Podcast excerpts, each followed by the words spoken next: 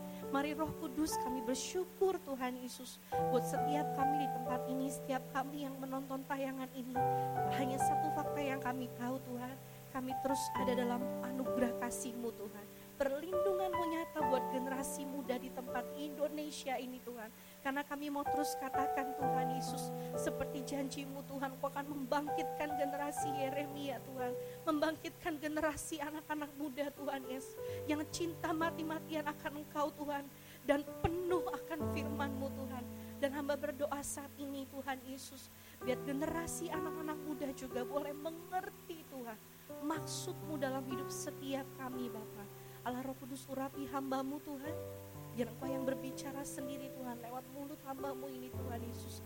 Pakai setiap kami di tempat ini Tuhan. Kami buka hati kami Tuhan. Kami menerima benih firmanmu, kebenaran firmanmu Tuhan. Yang terus membangun setiap kami Bapak. Di dalam nama Tuhan Yesus kami berdoa dan bersyukur. Haleluya. Sama-sama katakan amin. Amin. Puji Tuhan teman-teman. Shalom semuanya.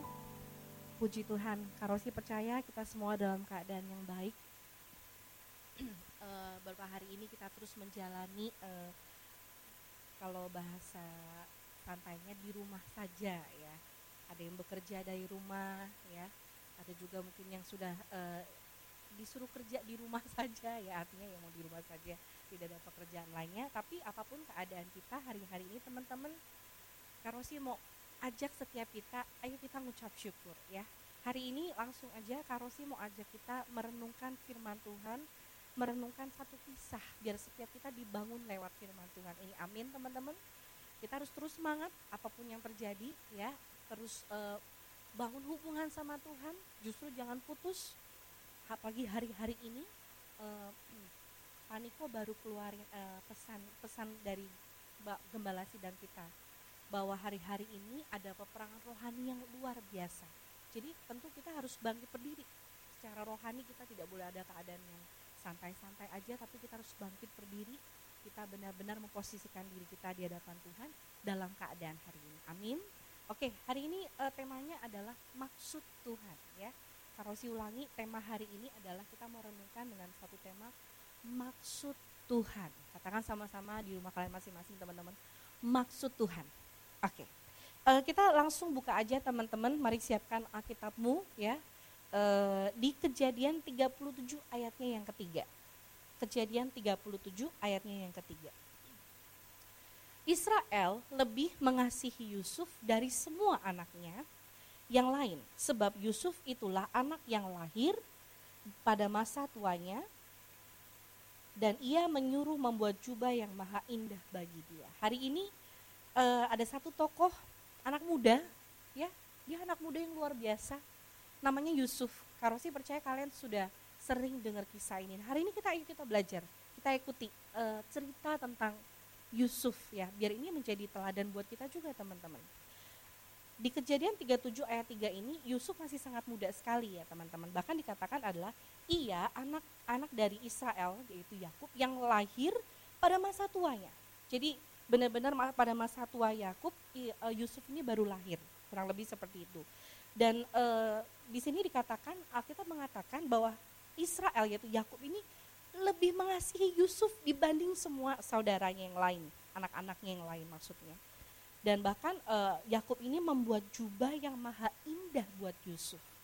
Tidak hanya itu teman-teman, kita kalau mau terus gali, terus gali, Yusuf pertama dia ternyata uh, bisa dibilang anak kesayangannya Yakub.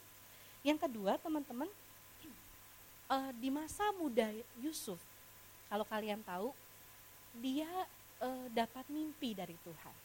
Kurang lebih mimpinya itu bahwa uh, di masa yang uh, di masa ke depan nanti Yusuf ini punya panggilan, punya visi, misi dari Tuhan untuk menjadi seorang pemimpin yang besar kurang lebih.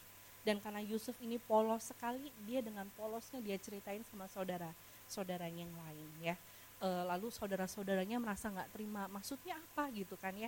E, lu mau jadi pemimpin atas kami semua yang masih yang udah lebih tua dari kamu gitu kan kata saudara-saudaranya.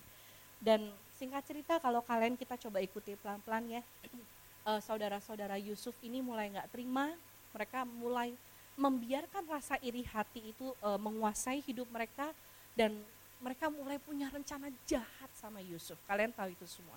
Katakan rencana jahat teman-teman. Rencana jahat. Teman saudara-saudaranya punya rencana jahat atas Yusuf dan mereka berusaha membunuh tapi ada satu saudaranya yang berusaha melindungi Yusuf dan akhirnya Yusuf akhirnya dibuang lalu singkat cerita dia dijual dan akhirnya sampai di rumah Potifar. Kita tahu semua ya, e, di rumah Potifar dia dipekerjakan karena Yusuf adalah pribadi yang setia, pribadi yang setia. Dia nggak cuma terima e, panggilan dari Tuhan, dia nggak cuma terima firman dari Tuhan, tapi dia jaga hidupnya setia di dalam kebenaran firman Tuhan, teman-teman. Ya, kita tahu semua cerita yang cukup uh, terkenal. Kita tahu istri Potifar begitu suka sama Yusuf. Yusuf ganteng sekali. Dia suka banget, dia godain setiap hari ya. Dia godain setiap hari si Yusuf ini dan akhirnya uh, Yusuf lebih memilih lari. Dia lari. Ya, ada ada dan istri Potifar ini uh, mengarang-arang cerita atas Yusuf dan akhirnya Yusuf singkat cerita kalian tahu Yusuf dipenjarakan buat sesuatu yang tidak dia lakukan. Ya, kenapa dia lari? Dia jaga kebenaran firman Tuhan, kekudusan firman Tuhan itu dalam hidupnya. Yusuf, biarlah Yusuf satu teman-teman. Yusuf ini mewakili generasi anak muda di zaman itu yang terus setia hidup kudus di hadapan Tuhan hidup kudus, hidup setia dengan kebenaran firman Tuhan. Dia tidak pernah langgar kebenaran firman Tuhan. Apa pun yang terjadi, keadaannya, prosesnya itu mungkin hmm, Yusuf punya seribu alasan seakan-akan untuk bilang sama Tuhan, Tuhan rasanya ini semua nggak adil Tuhan. Rasanya nggak adil. Ya, dia harus dibuang, dia dijauhkan dari papa mamanya. Bahkan yang membuangnya kurang lebih saudara-saudaranya sendiri, kalian bisa bayangkan itu. Ya, kalau kakak kakak kandung kalian punya niat jahat yang benar-benar jahat sama kalian ya. Kita nggak ngerti apa isi hati Yusuf tapi Karosi sangat percaya tidak mungkin isi hati Yusuf itu uh, tidak penuh dengan pergolakan batin ya. Dia pasti dalam hak, hal hati kecilnya bertanya teman-teman kenapa ya? Kok saya harus ngalamin ini semua? Kenapa ya?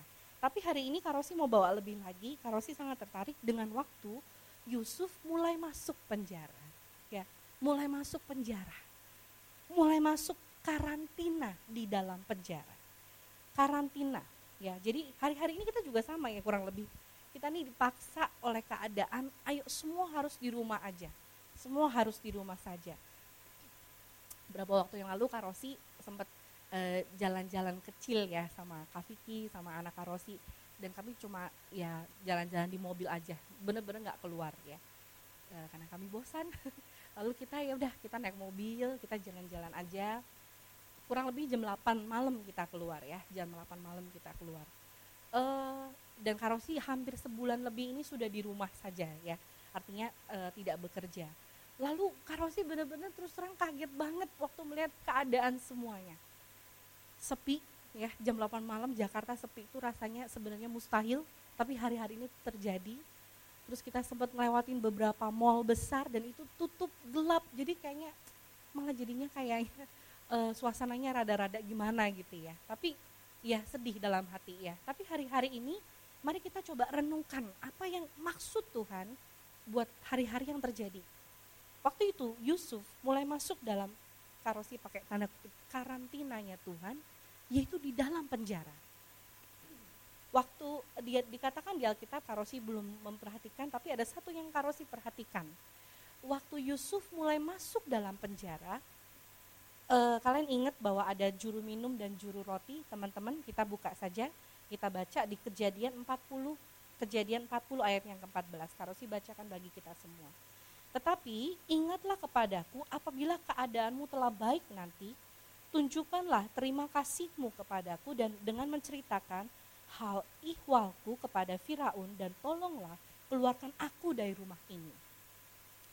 Jadi kurang lebih waktu di penjara setelah sekian berapa lama Yusuf ketemu dengan uh, juru minum dan juru roti, mereka mimpi mimpi uh, dalam waktu yang sama dan mereka bingung apa artinya. Lalu kurang lebih mereka ketemu Yusuf, Yusuf membantu untuk menerjemahkan mimpi itu.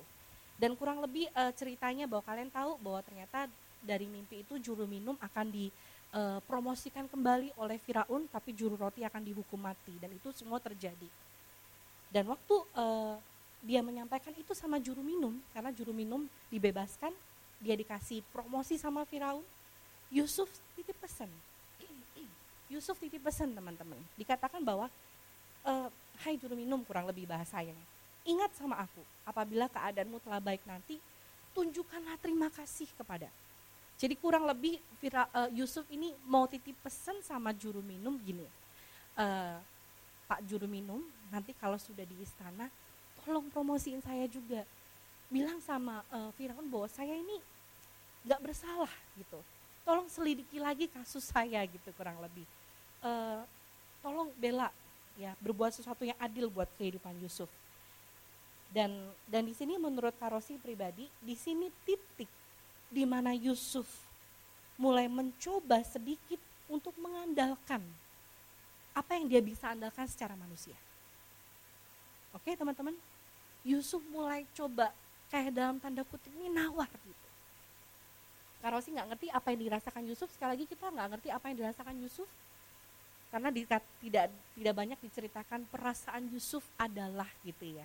Lebih banyak diceritakan bagaimana alur ceritanya. Tapi kita bisa sebagai sesama manusia, kita pasti ngerti teman-teman. Perasaan yang dialami Yusuf, walaupun Yusuf dalam penjara juga dipromosikan sama Tuhan. Dia jadi orang kepercayaan kepala penjara hari itu. Dan e, Karosi lanjut lagi, di kejadian 40 ayat 23 setelah juru minum itu dibebaskan dia happy dia senang dalam istana kejadian 40 ayat 23 mengatakan tetapi Yusuf tidaklah diingat oleh kepala juru minuman itu dia tidak diingat oleh kepala juru minuman itu melainkan apa teman-teman dengan jelas katakan firman Tuhan di dilupakan Yusuf minta juru minum ini ingat dia tapi juru minum ini bukan aja bukan saja mengingat Yusuf, dia melupakannya. Sebentar teman-teman dilupakannya. Kejadian 41 ayat 1. Setelah lewat dua tahun lamanya, bermimpilah Firaun bahwa ia berdiri di tepi sungainya. Karosi fokus pada kata setelah lewat dua tahun lamanya. Karosi juga nggak gitu mengerti seberapa lama Yusuf dalam penjara tapi ada satu fakta yang jelas, setelah lewat dua tahun lamanya, setelah dia membantu juru minum dan juru roti itu. Jadi ada waktu dua tahun Yusuf stay di penjara. Seorang yang diharapkan Yusuf yaitu juru minumnya melupakan dia. Dan setelah lewat dua tahun lamanya. Jadi yang, yang pasti adalah Yusuf masih menjalani hari-harinya di penjara dua tahun.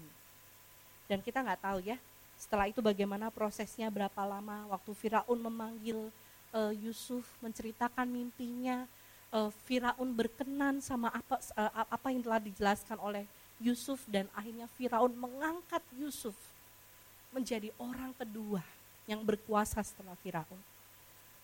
Tapi satu hal yang bisa kita pelajari teman-teman mari perhatikan.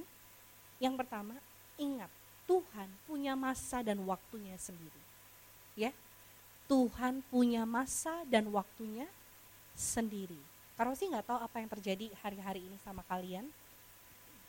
Mungkin ada beberapa yang kehilangan pekerjaan ya.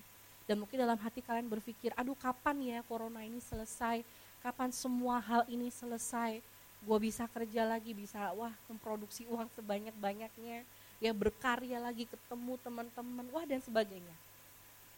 Mungkin itu juga pertanyaan yang sama dirasakan Yusuf hari itu. Dalam penjara mungkin dia mikir ya, Tuhan dulu Tuhan bilang sama saya, saya akan jadi pemimpin yang besar. Tapi kok saya di penjara ya? Faktanya saya di penjara. Di mana orang tidak akan lihat saya. Orang gak akan ingat saya. Dan memang benar faktanya teman-teman.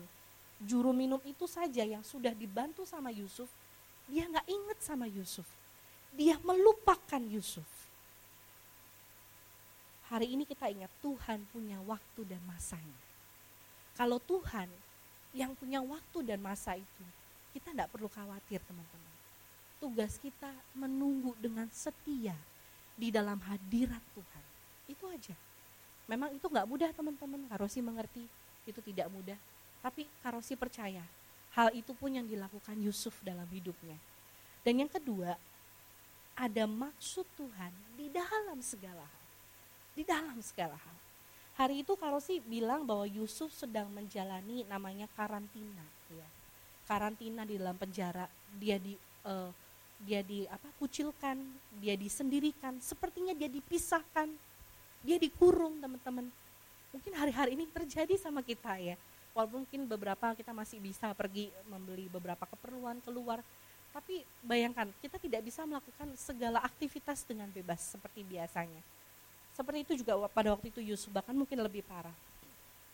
Teman-teman perhatikan, apa maksud Tuhan dalam karantina yang dilakukan oleh Yusuf dan biarlah ini menjadi buat setiap kita di hari-hari ini teman-teman. Perhatikan baik-baik. Karantina itu berbicara tentang sebuah persiapan. Persiapan, katakan sama-sama teman-teman, persiapan. Biar ini kau tanam dalam hatimu bahwa hari-hari ini sungguh masa di mana Tuhan sedang mempersiapkan kita semua. Amin. Setiap hari Karosi terus uh, kalau kita mesbah keluarga sama-sama, satu yang Karosi benar-benar syukuri dalam doa Karosi. Setiap hari kalau kita masih bisa bernafas, kita masih bisa seenggaknya ketemu keluarga ya. Doa bareng sama-sama keluarga gitu kan ya. Dan semuanya itu haruslah kita syukuri teman-teman. Kita syukuri. Ya mungkin di awal e, karosi pribadi cukup bertanya ya, kenapa Tuhan gitu ya? Karena banyak hal yang cukup e, mengagetkan buat karosi pribadi melihat banyak berita e, di awal-awal virus corona ini terjadi teman-teman. Kenapa Tuhan? Tapi hari-hari ini karosi mulai makin belajar ngerti ya maksud Tuhan. Yang pertama yang tadi karosi bilang, karantina itu bicara tentang persiapan teman-teman. Kita buka ya di kejadian 50 ayat 20. Kejadian 50 ayatnya yang ke-20. Memang kamu telah mereka-rekakan yang jahat terhadap aku, tetapi Allah telah mereka-rekakannya untuk kebaikan.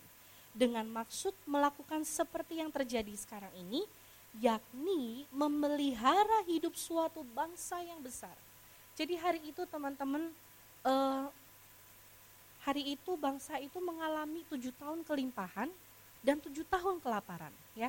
Dalam kelimpahan uh, Yusuf diberi hikmat sama Tuhan dalam tujuh tahun kelimpahan kayak seperti bahasanya sekarang kita nabung ya uh, nabung persediaan makanan dan sebagainya. Waktu kalau kalian baca kisah Yusuf baik-baik teman-teman, itu hikmat Tuhan yang luar biasa turun buat Yusuf. Karena itu mulai kelihatan waktu tujuh tahun masa kelaparan. Kelaparan yang hebat teman-teman, kelaparan yang hebat. Semua orang gak bertahan di masa itu.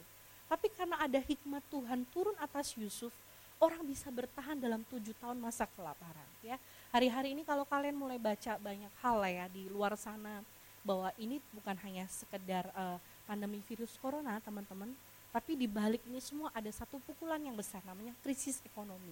Dan kalian mesti banyak berdoa soal itu ya. E, Karosi sendiri sering merenungkan ya jangankan tujuh tahun teman-teman. Jangankan tujuh tahun kalau masa-masa seperti ini bertahan setahun aja Karosi nggak bisa bayangkan betapa mengerikannya. Betapa mengerikannya. Ya Karosi nggak bisa bayangkan itu. Tujuh tahun. Masa Yusuf tujuh tahun teman-teman. Jadi rupanya ada satu persiapan yang besar yang Tuhan buat atas Yusuf. Karena dia di, dia diberi tujuan mulia sama Tuhan, dia beri tugas mulia oleh Tuhan, yakni memelihara hidup suatu bangsa yang besar. Karena sih nggak bisa banyak cerita di sini, tapi salah satu tujuan Tuhan juga memelihara keturunan, memelihara keturunan ilahi. Ya kita nggak ngerti teman-teman, tapi ada satu satu uh, cerita yang luar biasa. Bukan hanya sampai uh, memelihara hidup satu bangsa yang besar aja teman-teman. Tuhan yang punya skenario yang luar biasa dalam hidup kita. Dan di sini dikatakan bahwa ternyata Yusuf punya tugas agung. Dia memelihara hidup suatu bangsa yang besar. Teman-teman perhatikan baik-baik. Ini masa persiapan, ya. Ini masa karantina kita, ini masa persiapan. Dalam persiapan, ayo please, biar ini boleh jadi titik balik buat hidup kita. Ya, jangan lewatkan masa-masa persiapan ini. Jangan acuh tak acuh. Beri perhatian, mari belajar. Beri perhatian. Yang pertama adalah dalam masa persiapan ini apa yang Tuhan mau? Yang pertama, ayo kita beri hidup kita bagi Tuhan, ya. Artinya beri hidup kita ini kita ngerti hidup saya ini bukan hidup saya lagi. Waktu kita menerima Tuhan sebagai juru selamat pribadi kita, kita juga uh, sudah dibaptis di dalam air, dalam Roh Kudus. Itu artinya kita harus memberi hidup kita dituntun oleh kebenaran firman Tuhan, teman-teman. Ini generasi anak muda dan Karosi percaya persiapan ini juga dipersiapkan buat generasi anak-anak muda karena kita menjadi sorotan Tuhan untuk menyelesaikan amanat agung. Perhatikan itu baik-baik. Dan yang kedua, kita diminta merendahkan diri di hadapan Tuhan waktu kita masuk dalam masa karantina ini. Masa-masa persiapan. Kita diminta merendahkan hati kita. Apa yang sebelumnya kita pertahankan dalam hidup kita, kalau sih nggak tahu, prinsip-prinsip hidup atau sesuatu yang kayaknya berharga banget kita nggak bisa lepaskan.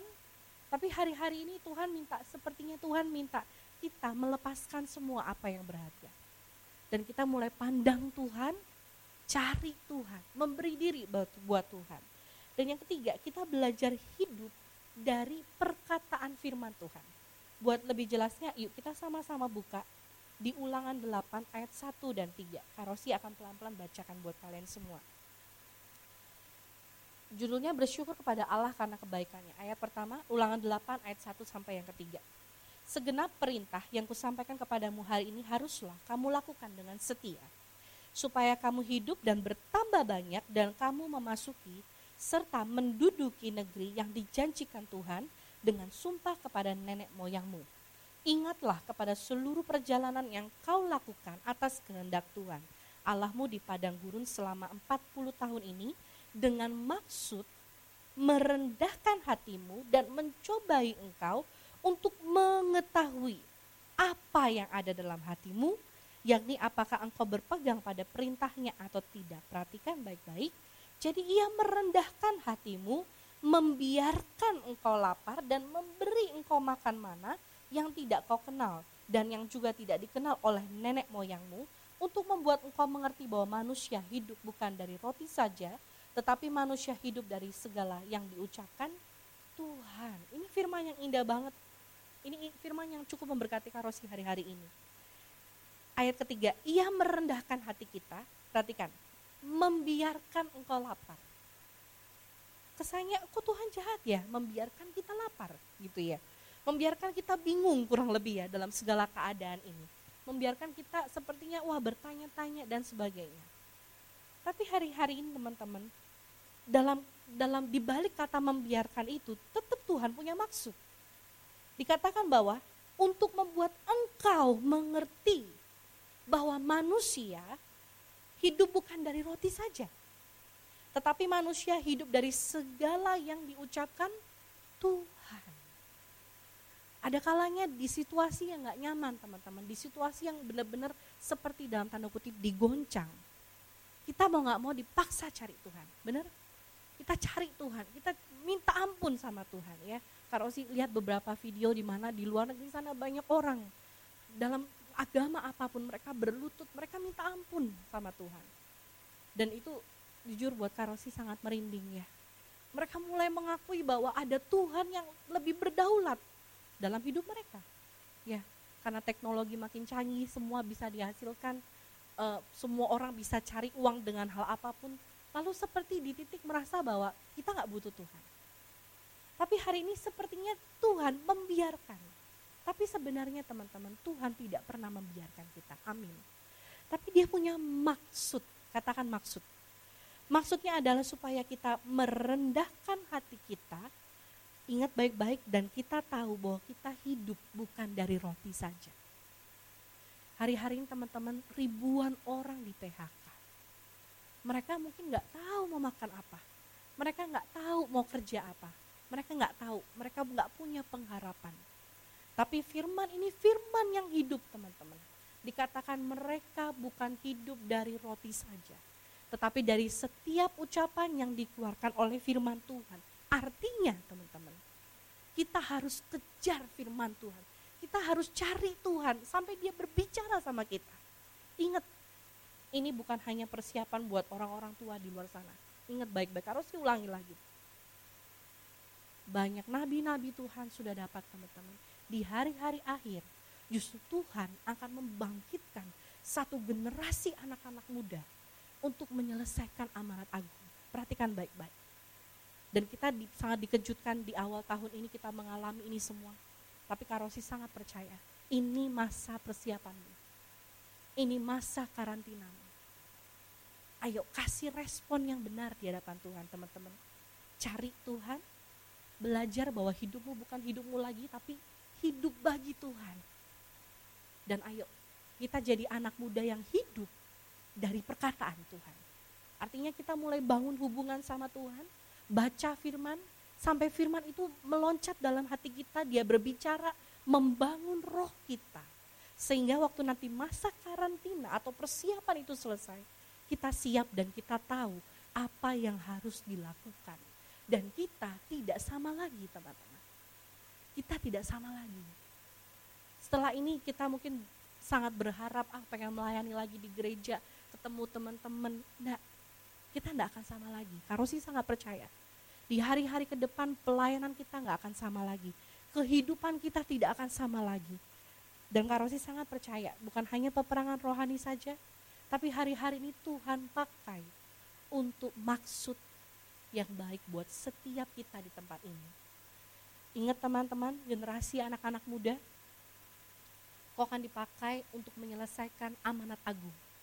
Apa yang kau bisa pikirkan, apa yang bisa kau buat hari-hari ini dalam segala keterbatasan. Mari lakukanlah itu buat Tuhan. Lakukanlah itu buat Tuhan. Cari Tuhan, beri dirimu bagi Tuhan. Jangan lewatkan masa karantina, masa persiapan ini. Jangan lewatkan. Biar ini jadi titik balik dalam hidupmu. Dan teman-teman mari persiapkan dirimu karena setelah ini Karosi sangat percaya penuaian terbesar dan kau anak muda kita semua harus sangat siap. Amin. Tuhan Yesus memberkati berlimpah-limpah. Mari kita berdoa teman-teman. Horabaya syaka naralabaya daralabaya sing. Horabakara labaya syekeni haralambolehan daralabapa. Ika barana bolehan naralabaya shendi didikara lahwaya ralabaya sing. Orabakara lalabaya shendara ralabaya sing Teman-teman di mana pun kau berada, kau boleh angkat kedua tanganmu teman-teman. Sebagai respon awal kita di hadapan Tuhan. Kau mungkin yang sudah lama kehilangan hubungan intim sama Tuhan. Kau akui di hadapan Tuhan, kau angkat kedua tanganmu. Mari berbicara dari hatimu di hadapan Tuhan. Kau yang merasa kau sudah jauh dari Tuhan, mari di titik ini kembalilah di hadapan Tuhan Yesus. Dengar panggilan Tuhan, dengar panggilan Tuhan Yesus. Roh Kudus kami percaya dan kami tahu Engkau tidak terbatas Tuhan. Engkau tidak terbatas Tuhan justru hari-hari ini Tuhan. Engkau memakai semua media Tuhan. Supaya Injilmu lebih besar diberitakan Tuhan Yesus. Hadiratmu Tuhan boleh lebih banyak dirasakan orang lain Bapak. Terima kasih Tuhan berkati Tuhan semua generasi anak-anak muda yang boleh mendengar firman-Mu hari ini Tuhan. Beri kekuatan Tuhan dan Tuhan beri telinga, telinga rohani yang baru Tuhan. Biar setiap kami Tuhan hari-hari ini dalam masa persiapan seperti Yusuf, seperti Esther Tuhan, kami boleh mendengar panggilan Tuhan Yesus. Kami boleh meresponi Bapak, kami boleh bangkit Tuhan Yesus. Kami tidak mau lagi tertidur secara rohani Tuhan. Kami mau bangkit Tuhan sebagai generasi anak-anak muda yang sudah kau pilih untuk menyelesaikan amanat agung Tuhan Yesus. Terima kasih Tuhan, terima kasih ya Bapak. Berkati Tuhan Yesus, berkati yang sudah mendengar firman ini Tuhan Yesus. Biar namamu terus diagungkan, namamu dimuliakan. Engkau yang menjaga setiap langkah kaki kami Tuhan. Dan kami janji Tuhan, kami terus kami janji Tuhan kami mau setia, kami mau ikut Tuhan Yesus. Kami mau setia, kami mau ikut Tuhan Yesus. Terima kasih Bapak. Kami terus memberkati buat bangsa kami Tuhan. Tuhan damailah Indonesia, damailah Indonesia Tuhan. Terima kasih berkati Indonesia, berkati pemerintahan di bangsa ini Tuhan. Engkau menolong semua yang ada Tuhan dalam masa-masa ini Tuhan Yesus. Kami menyerahkan semua di hadapan kasih-Mu Tuhan.